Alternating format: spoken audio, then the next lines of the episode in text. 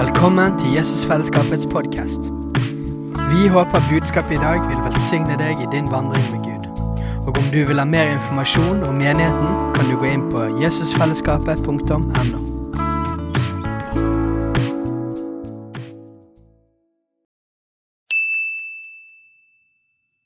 Hei! Visste du at Jesusfellesskapet starter en ny bibelskole til høsten? Den heter Jesusskolen og starter den 3. september. Gå inn på jesusskolen.no for mer informasjon. Det er litt spennende, dette her, fordi at eh, som annonsert så skal jeg snakke om eh, åndelig krigføring. Um, um, og det, det, det er veldig mange som har litt sånn ulike forbindelser til det ordet, eller til, den, til, den, til, til dette, denne terminologien. Det er noen som noen ser for seg eh, perserfyrsten og Dan, i Daniels bok, og eh, noen eh, sånn andre principalities og 1040-vinduet og himmeldronningen og Astarte osv. osv. osv. Men eh, og Det er jo en, en forgreining av, av, av, dette konseptet, men det er for all del ikke det viktigste.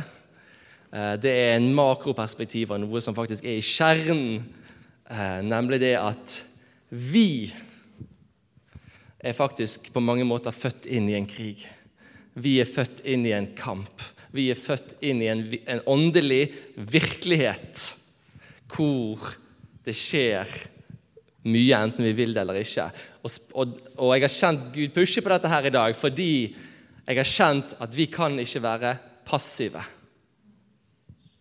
Vi kan ikke være uvitende om det som skjer. Um, og Dette her konseptet med åndelig krigføring eller, eller uh, er, er, jo på mange måter blitt ulikt behandlet gjennom historien. Gjennom teologien og gjennom historien. Det har blitt uh, misbrukt. Bare se på korstogene. Det var krigføring for Gud. Uh, det er blitt overdrevet. Alt, Hvert minste ting som ble blitt sagt eller gjort, har blitt sett i en åndelig setting. hvis noen nyser, så er det en demon som går ut av deg.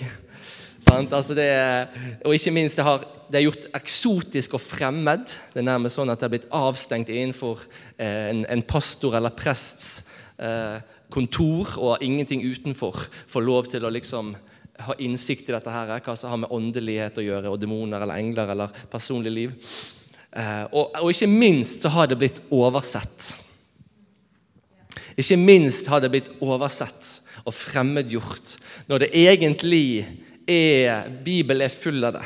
Og Jeg har vært litt sånn utfordring nemlig, i forberedelsen, fordi vært, jeg har så mange bibelvers på dette her. Uh, man skulle jo ikke tro det. Uh, og Samtidig som det kan være, høres veldig svevende og heftig ut, så er det egentlig grunnleggende, helt grunnleggende prinsipper vi snakker om her. Og Jeg skal allerede nå spoile for dere. Uh, Eh, i, skulle si, i sånn åpen tra trailer-version hva, hva, dette faktisk handler om. For kjernen i åndelig krigføring, kjernen i åndelig kamp, eller kamp, som vi står i, det er hvem er Jesus? Og hva har han gjort for deg og for meg? Alt På engelsk sier de at the center of spiritual warfare is the position of Jesus. The position of Jesus is the center of spiritual warfare. Um, og eh, Derfor har jeg lyst til å, jeg vil bare begynne med å introdusere hva Bibelen faktisk sier om dette. her, De mest kjente skriftstedene. Og eh, Åndelig kamp handler ikke bare om ånden, det handler faktisk om mye mer. Det handler om hele mennesket. Det handler om sjel og sinnet, og så vel som kroppen. Men la oss begynne. Eh, dere trenger ikke å, å, å liksom slå opp fordi jeg har så mange bibler som skal gå gjennom. Eh, men dere kan skrive de ned. Jeg skal begynne med de mest kjente. kanskje. Efesene 6,10. For øvrig bli sterke i Herren hans veldige kraft. Sant? Der står det om Guds fulle rustning. Eh, så vi kan holde stand mot djevelens listige angrep. For vi har ikke en kamp mot kjøtt og blod, men mot makter og myndigheter, mot verdens herskere i dette mørket, mot åndskapens ånde her i himmelrommet. Ta derfor Guds rustning på, så kan gjøre motstand på den onde dag og bli stående etter å ha overvunnet alt. Efesene 2, 1-3. Også dere har han gjort levende, dere som var døde ved deres overtredelser og synder. Dere vandret før på denne verdens vis etter, høf, etter høvdingen over luftens makter. Den ånd som er virksom i vantroens barn, Og også vi vandret alle blant dem i vårt skjøds lyster, og vi gjorde skjødets og tankens vilje. Vi av naturen vredens barn, like som de andre. Her i disse to versene eh, portretterer, eller disse flere versene, vel å merke, men disse to skriftstedene, eh, så, så setter Paulus opp denne åndelige virkeligheten vi står i. At vi har en kamp. Vi står i en kamp. Vi er født inn i en kamp mot makter og myndigheter, mot noe åndelig. Eh, og Det står i Efesene 2 at vi har vært under høvdingen over luften, luftens makter. De som ikke er frelst, de gjør etter denne verdens vis. De er under en annen autoritet. Vantroens barn. Og som sagt, Det er ikke bare kamp i ånden, men dette her går inn over hele oss. La oss se på kampen i sinnet. Det står i 2. Korinterbrev 10. Eh, så står det helt i begynnelsen fra 1, men jeg skal gå videre til vers 2 eller 3 her. skal vi se. For selv om vi lever i skjødet, så fører ikke vi strid på skjødelig vis.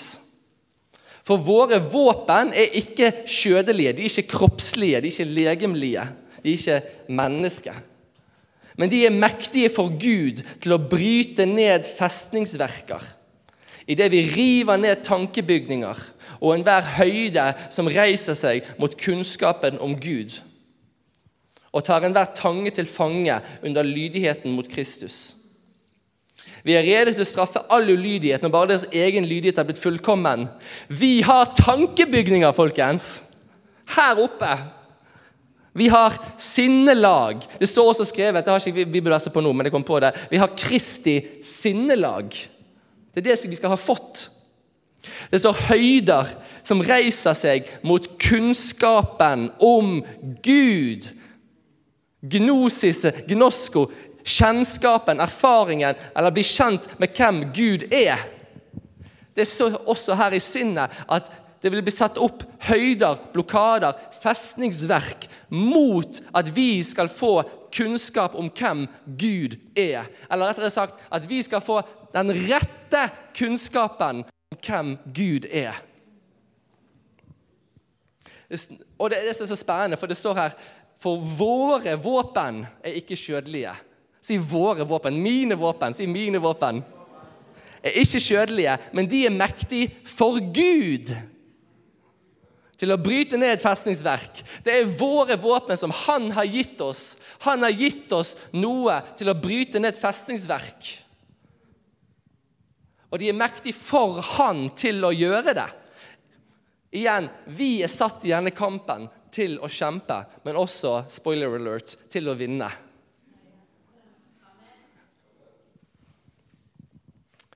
Efesene 4, 22. Også kamp i sinnet. Når det gjelder deres tidligere ferd, må dere avlegge det gamle mennesket som er fordervet, men bli fornyet i deres ånd og sinn Ikle dere det nye mennesket som er skapt etter Gud, i den rettferdighet og hellighet som er av sannhet. Vi er skapt i Guds bilde. Som, som vi sa igjen, Vi har Kristi sinnelag, som vi ikke helt husker hvor står. Men vi skal bli fornyet i vår ånd og vår sinn.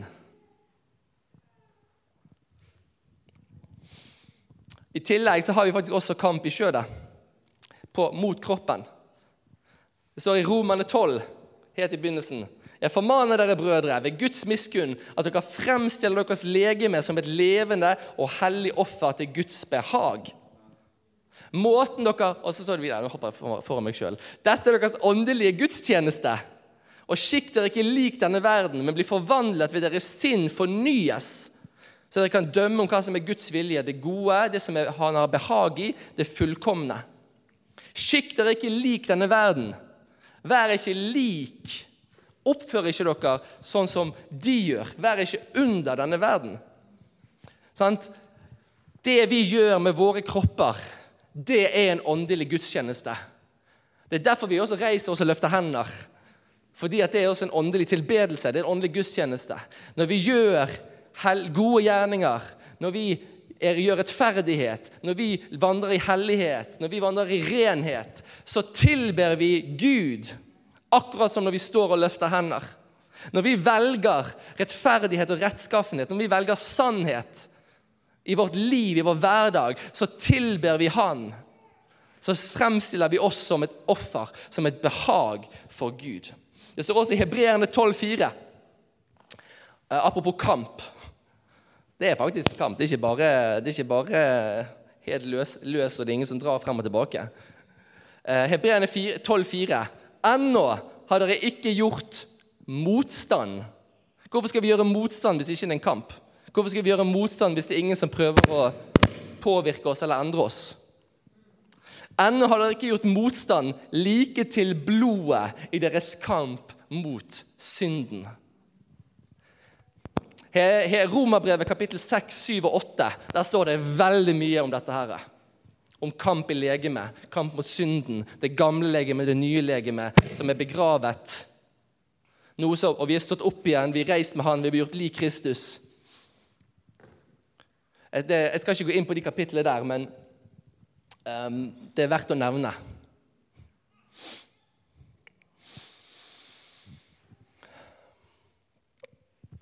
strid. Paulus fortsetter fortsatt å snakke om strid. I 1. Timoteus 1,18 1. Timoteus 1,18. Dette er det oppdraget jeg overgir deg, min sønn Timoteus, i samsvar med de profetordene som før er talt om deg, så du ved dem kan stride den gode strid. Jeg syns dette er et veldig bra vers. altså. Eh, for det setter også hele den profetiske dimensjonen på et nytt nivå. Det er ikke bare noe sammen alle her, eller Jeg håper alle her har fått et profetisk ord. Um, hvis ikke så skal vi fikse det etterpå. Um, han sier rett og slett at de profetordene du har fått, det er ikke bare noe du skal putte i baklommen. Men det er faktisk dine våpen. Det er dine løfter. Det er Guds ord til deg for at du skal vinne og gå fremover til han har kalt deg til, og, og, og vinne seier. Det er jeg skal, nå eh, det står i eh, jeg må, jeg må, hoppe litt over her, for det står apropos det profetiske, men det står i Johannes' åpenbaring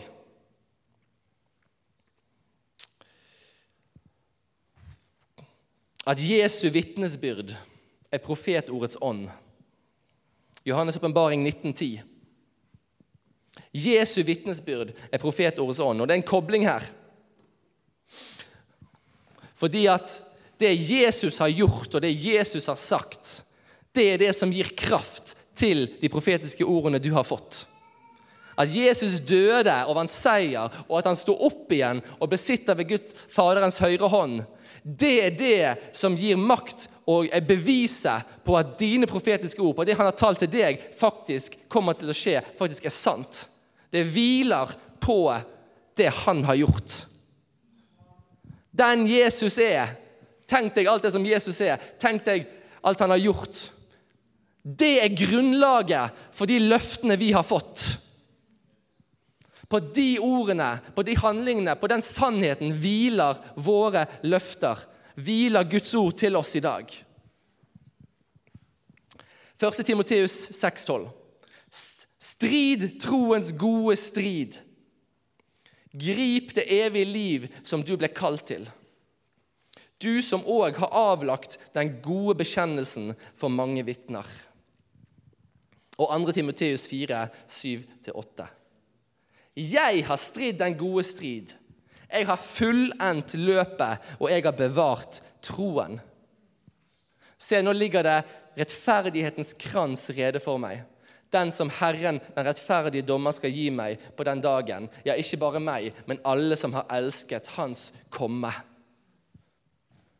Det er umulig å si at vi bare lever i en sånn kristen hverdag, og at alt handler om bare hva vi gjør, og at det er ingen andre ytre påvirkning noen steder. Det er umulig å si at det ikke er noen andre som også kjemper for våre liv, og som vil ha våre liv. På en helt annen vei enn det Gud har tenkt. Og den striden den står i vår ånd. Den står i vårt sinn, og den står på hele vårt legeme.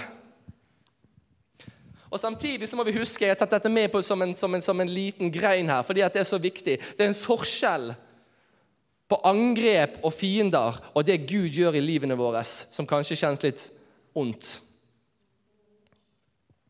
For, for det står i Johannes 10,10 at tyven kommer for å stjele, drepe og ødelegge. Hvis ikke det er litt sånn fiendtlig, så vet ikke jeg. Eh, Jeg er kommet for at du skal ha liv og ha overflod.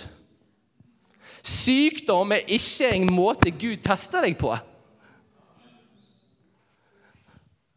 Syk, sykdom altså, eh, Jesus brukte et veldig bra ord eh, i forhold til dette- denne her problemstillingen. her, fordi at det er veldig mange der ute, som, uh, s- nok velbevarte kristne, si, som, som, som mener at, at, at både kreft og død og pest er noe Gud bruker for at vi skal bli mer hele.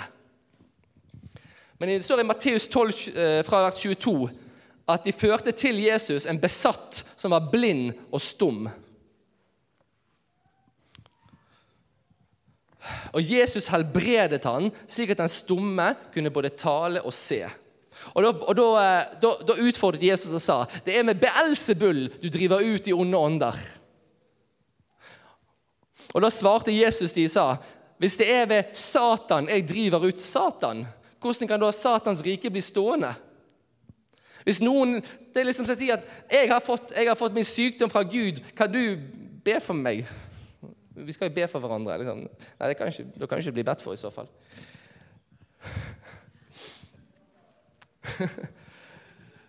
altså, Hvis vi tror at Gud sender sykdom og ånder som gjør deg syk, så kan jo ikke, da kan jo ikke vi ta Guds ord på alvor.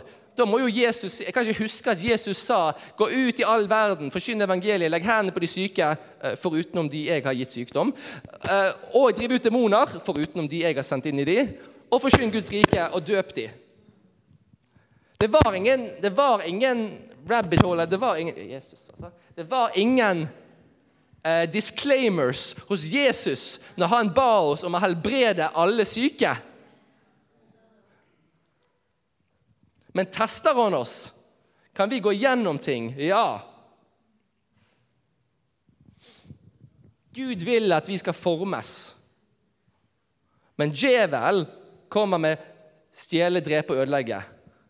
Kan Gud se det og se at det går, og ta deg inn i ting? Ja. Sender han det? Hvis han hadde sendt det, så hadde han i hvert fall ikke gjort noe for at, sagt at vi skulle gjøre noe med det. Det var bare en sånn liten forgreining. Den, fikk dere gratis. Eh, krig er ikke nytt for Guds folk heller. Jeg vil, jeg vil bare ta dere litt med på liksom historien her eh, og, og sette liksom perspektivet. Eh, fordi at For israelerne, hebreerne, de levde jo nesten alltid i strid. De hadde masse utfordringer, de. De slåss mot amalekitter, og de slåss mot, mot uh, amoritter, og uh, filistere og asyrere og hitittene. Uh, der var det en konge som het Hittitten Tei.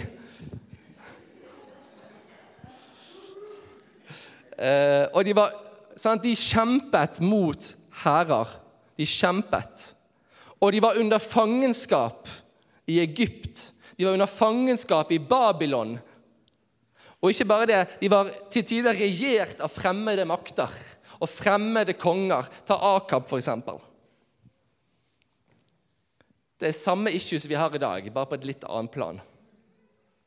Det er faktisk veldig påfallende liksom disse ordene jeg allerede har forkynt, og hva som vi ser med denne historien med Gamle og Nye testamentet, eller Gamle og Nye pakt. Fordi at det israelske folket, Israel, Guds folk, de hadde eh, fysiske fiender. Men de hadde også fysiske løfter. Et fysisk tempel. Fysiske ofringer. Et fysisk land som ble lovet dem. Og velsignelsene de fikk, var stor grad også fysiske. Jeg skal lege deres land, jeg skal fri dere ut, jeg skal gi dere overflod og, og, og, og glede. Gull og grønne skoger. sant? Mens i den nye pakt det, det, det Paulus forkynner, og det jeg allerede har sagt, det bekrefter hva som har skjedd i den nye pakt. Når Jesus, det siste fysiske offer, åpnet opp den åndelige, usynlige virkeligheten for oss, som er Guds rike, idet han gikk inn i helligdommen en gang for alle, øste ut sitt blod, for at vi kunne gå rett inn til Faderen, inn i den åndelige virkelighet. Mens vi i den nye pakt har åndelige ordninger, usynlige ordninger. Vi er et åndelig folk. Det er ikke rase, det er ikke land. Det er et åndelig menighet. Vi er ett legeme. Det er stor grad, jeg sier i stor grad åndelige velsignelser. Disclaimer jeg, jeg, jeg forkynner ikke erstatningsteologi at Israel-folket plutselig liksom, nå, nå, er de akkurat det samme som hvem som helst andre. Fordi at Gud angrer ikke sitt kall, Gud angrer ikke sine løfter og nådegaver. Og Profetene har talt tydelig i Gamletestamentet at Jesus kan ikke komme igjen før Israel er gjenopprettet. Der fikk dere litt uh... Der fikk dere litt stereotypi. Um, Igjen, Dette blir også bekreftet blant to av mine favorittvers. 2. Korinterne 4,18. Vi har ikke det synlige for øyet, men det usynlige. For det synlige var bare en kort stund, men det usynlige er evig. Og Kolossene 3, 1-2.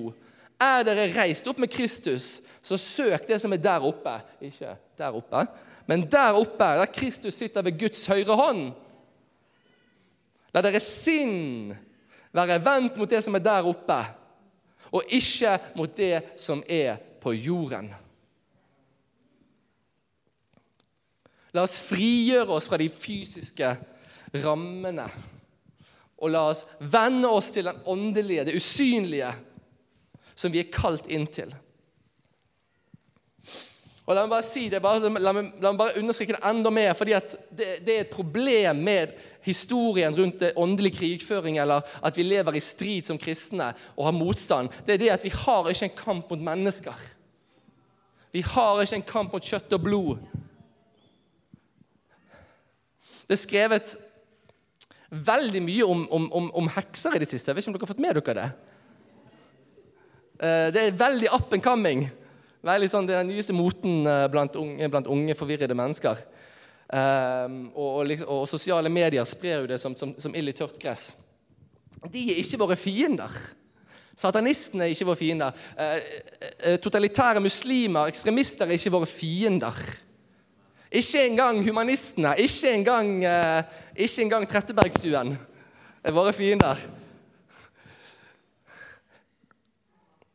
Ingen som går til angrep på oss, om det er fysisk eller psykisk ånd, her i denne verden, er våre fiender. Selv om de hater oss eller hater det vi gjør, selv om de hater Gud. For de er krigsfanger. De er underkuet av djevel. De er forført. Det er mennesker som lever i løgn. Det er mennesker som tror på løgner. Og vi, Det er ikke en slagmark der vi liksom løper fremover eh, med våre sverd og skal møte masse eh, ikke-kristne eller, eller, humanister som kommer mot oss. Nei, de er bundet på andre siden av den åndelige hæren, som vi facer, som er våre fiender. De er de som vi vinner over. Ikke ta de fra slagmarken og sier 'nå tok jeg deg, og nå skal, du, nå skal du kjempe på min side'. Nei, vi overvinner den åndelige motstanden for å sette de fri fra lenker, fri fra løgner, ånd, sjel, kropp. Helbreder de, driver ut demoner, sjelesorg, gjenopprettelse. Så mange ting nå, som Så mange ting som hindrer de i å se Gud eller kjenne Gud.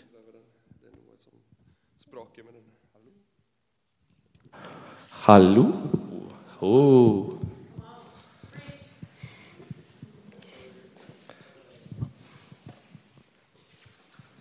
The center of all spiritual warfare is the position of Jesus. Og det ser vi når, når djevel er på ferde. Det ser vi også når vi ser en aktiv motstander i Bibelen. Matteus 16, 13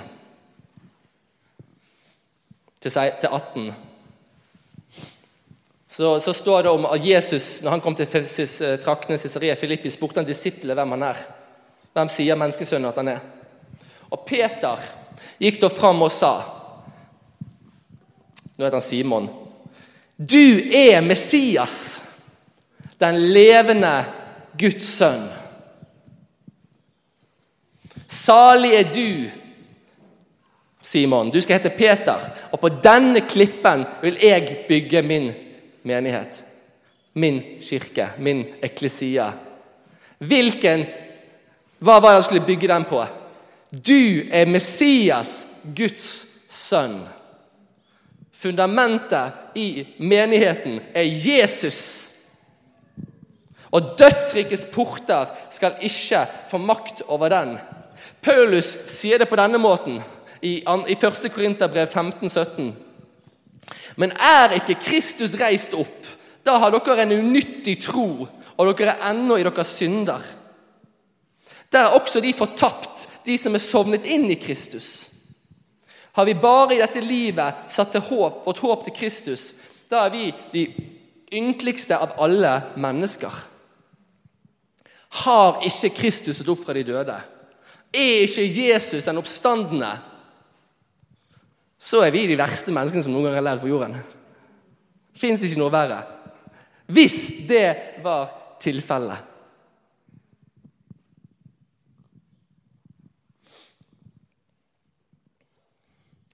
Og vi ser som sagt, fienden når han er på ferde, så er hans første primære oppdrag er å så tvil om Gud i våre liv. Første Mosebok, det første han gjorde, kapittel 3, så sier Hva er det første djevel sier? Har Gud virkelig sagt?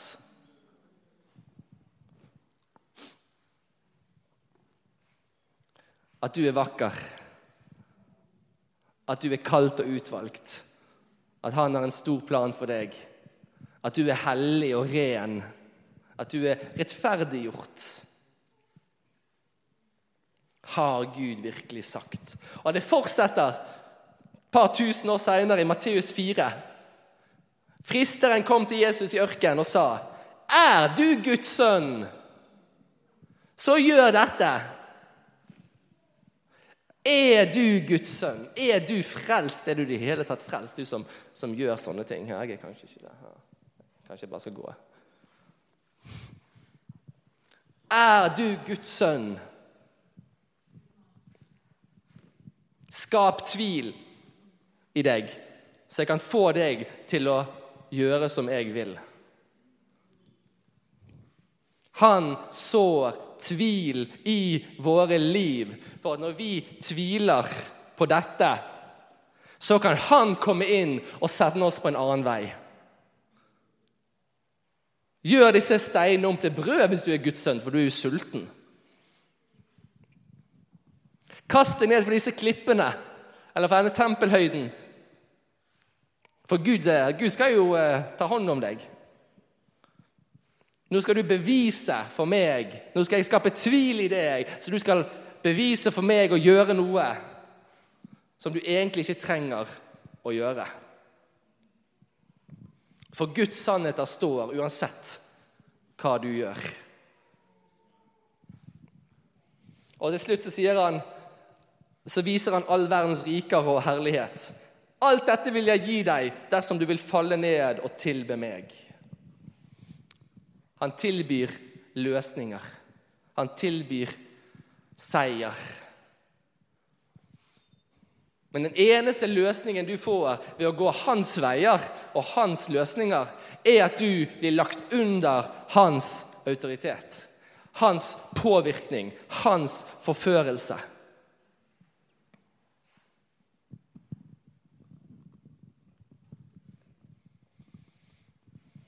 Har Gud virkelig sagt at du er den du er. De profetiske ordene du har fått. Bevis det for meg.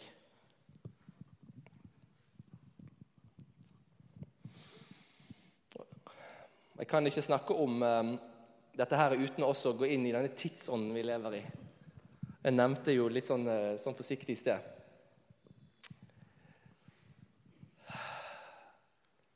Vi lever i en sånn tid der man skal være man skal liksom, det er meningen man skal være helt fri.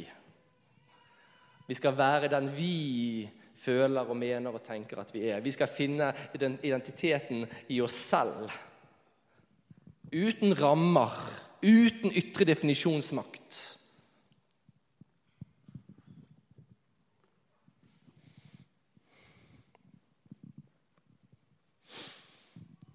Og så følger man en sånn, en sånn vandring. Jeg har hørt en del eh, historier dette året fra, fra, folk som har forlatt menighet. Og det er veldig påfallende, alle, eh, alle historiene de kommer med. Eller mange av de. Det er mennesker som har fått det for seg at de var fanget. Det er mennesker som har fått det for seg at, at, at de hadde en ytre definisjon som bestemte hvem de skulle være. At de måtte følge visse måter og former, og, og, og, og, da var man liksom med, på en måte. Og Derfor så var de bundet, og de var fanget, og de, de var overbevist om det. Og Derfor så begynte de å gå ut, forlate menighet, for å bli fri. For å leve det livet de var kalt til.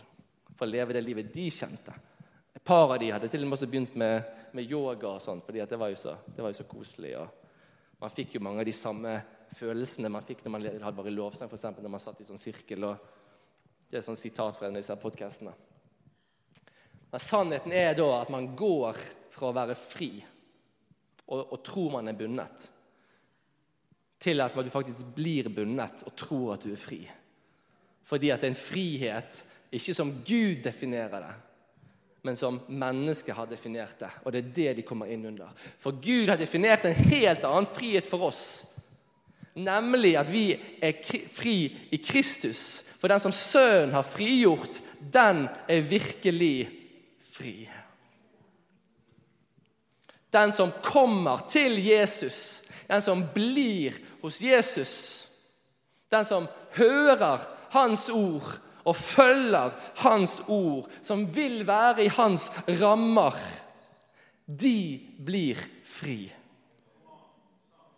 De som vil ut av Hans rammer for å følge sin verden, for å sine tanker, vet ikke at de allerede er under innflytelse av denne tidsånden. Som det sto i Efesene, eh, Efesene 2. De vet ikke at de allerede har innflytelse over høvdingen over luftens makter. Den ånd som er virksom, som fungerer, som er funksjonell, som er praktisk til stede i vantroens barn.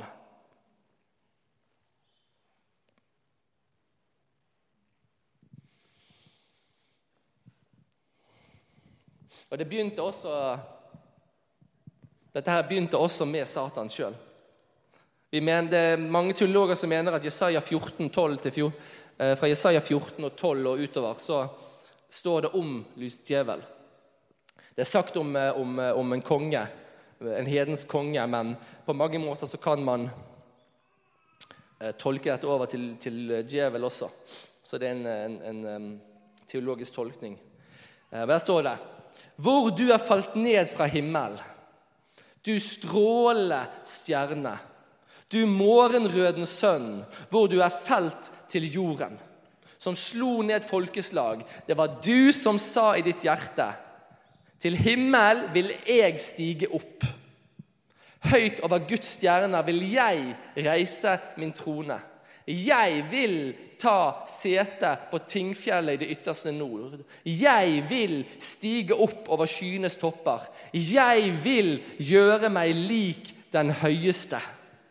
Og det er Ironisk nok er dette den første løgn han serverer til menneskene også. Hvis dere spiser dette treet, så blir dere som Gud.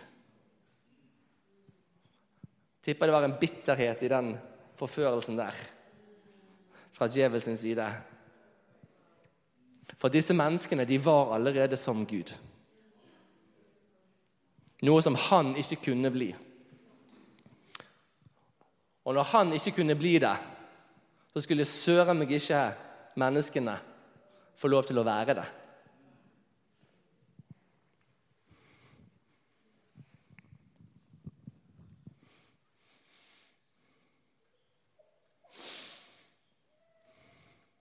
Men svaret er alltid Jesus. Svaret er alltid Jesus. Det er derfor det ikke trenger å være så fancy og, og, og, og high level strategic spiritual warfare for liksom å forstå denne, dette livet vi lever. Fordi det handler om vår relasjon til Jesus.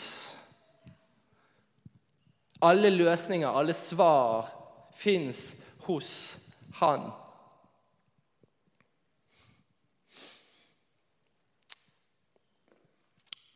Det står i Efesene 6, 13-18 om Guds fulle rustning. Der står det at vi skal ha Guds ord, som er åndens sverd. Guds ord der, det greske ordet der, det er rema. Ikke som i Rema 1000, men rema som i det talte, forløsende ord. Og i Hebreerne 4,12 så står det For Guds ord er skarpere enn noe tveegget sverd. Det trenger igjennom, det kløver ånd og sjel, ledd og marg, og dømmer tankers, hjerter og råd. Det ordet som står her for Guds ord, det er logos. Som betyr det skrevne ordet. Ikke bare det, det betyr det er Jesus. For det står i Johannes 1 at i begynnelsen var ordet, og ordet var hos Gud, og ordet var Gud. Rema-ordet, som er Guds ord i Efesene 6, det er de ordene som han taler og forløser. Det er hans sannheter. Det er, det som, det er den som blir virksom ut og skaper. Og Hebreerne 4,12, Guds ord, det faste ord. Ikke bare dette ordet, men det, du kan si at det også er ord for det som er Guds sannheter. Det som er at Hans ord, det er sannhet. Hans ord er lov. Men som sagt i Johannes 1 Jesus er ordet. Jesus er ordet.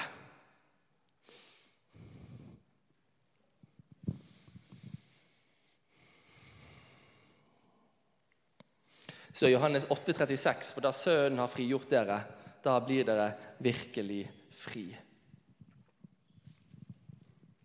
Det er frihet i Kristus. Det er frihet i hans sannheter.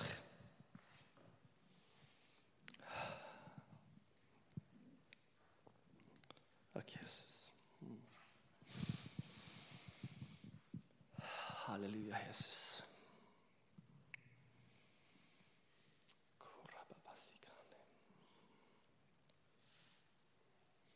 Det er snakket mye om hellighet og standard i de siste ukene. Det er snakket mye om, um, om å bekjenne, legge ned sitt liv. Vi snakket mye om Efesene 4,27 og ikke gi djevel rom. Og Jeg vil ta fram uh, Jakob, Jakobs brev 5,16. Bekjenn derfor deres synder for hverandre så dere kan be for hverandre. For at dere kan bli helbredet.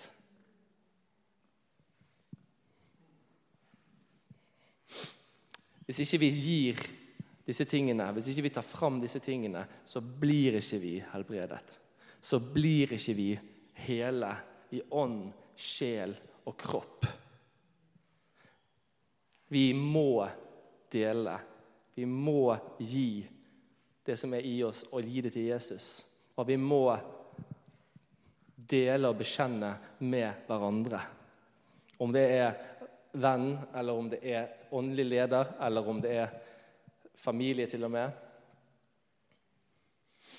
For hvis ikke vi fjerner det som er der, så gir vi djevel rom. Da gir vi hans løgner rom. Vi gir synden rom. Dette er et veldig kjempestort tema, så, kan, så, så det er veldig mange greier å inn i her. Men Gud sa veldig tydelig til meg i går, eller i forgårs var det, i forhold til det å faktisk dele ting. Bekjenne synd. Få vekk eh, Tale ut det som ikke er fra Han i våre liv. At det som ikke kommer fram i lyset, det som ikke kommer fram i lyset så Nå snakker jeg ikke om at nå skal alle skal vi ha vitten, delemøte, skal alle sine synder. Alt skal skje i, i sømmelige former innenfor de rammene med hverandre som er gode og har tillit. Det som ikke kommer fram i, i, i lyset, det blir holdt som gissel av mørket. Og Hvis det er holdt som gissel av mørket, så har de rett til å kreve løsepenger fra ditt liv. Og det eneste som er makt til å frigjøre dette gisselet, det er bekjennelsen. Vi skal si det en gang til, så du kan skrive det ned. Det som ikke kommer fram i lyset, det er tatt til gissel av mørket. Og holder med gissel dette del av livet ditt som gissel, så kan han altså kreve løsepenger av deg. Da kan han kreve noe av deg, da kan han holde fast ved deg. Han kan holde deg, og han har noe imot deg. Og bekjennelsen er vår makt til å frigjøre dette gisselet fra mørket og inn i lyset. Bekjennelse tar du ut av inn i lyset, så de ikke lenger har makt over deg. Og du kan bli helbredet. Og djevel vil ikke lenger ha dette rommet i livet ditt. Og du vinner seier. Han kan ikke undertrykke din ånd eller din sjel eller din kropp.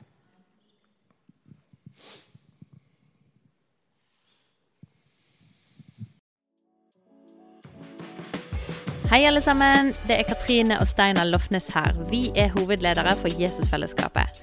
Så kjekt du har lyttet til denne podkasten. Har du forresten hørt noen av de andre podkastene våre? Ukens tale, Disippelskolen, Hyrdepodden, Kulturkrigen og Mammas hjerte. Du finner disse podkastene på Spotify, Apple Podkaster og på nettsiden vår jesusfellesskapet.no.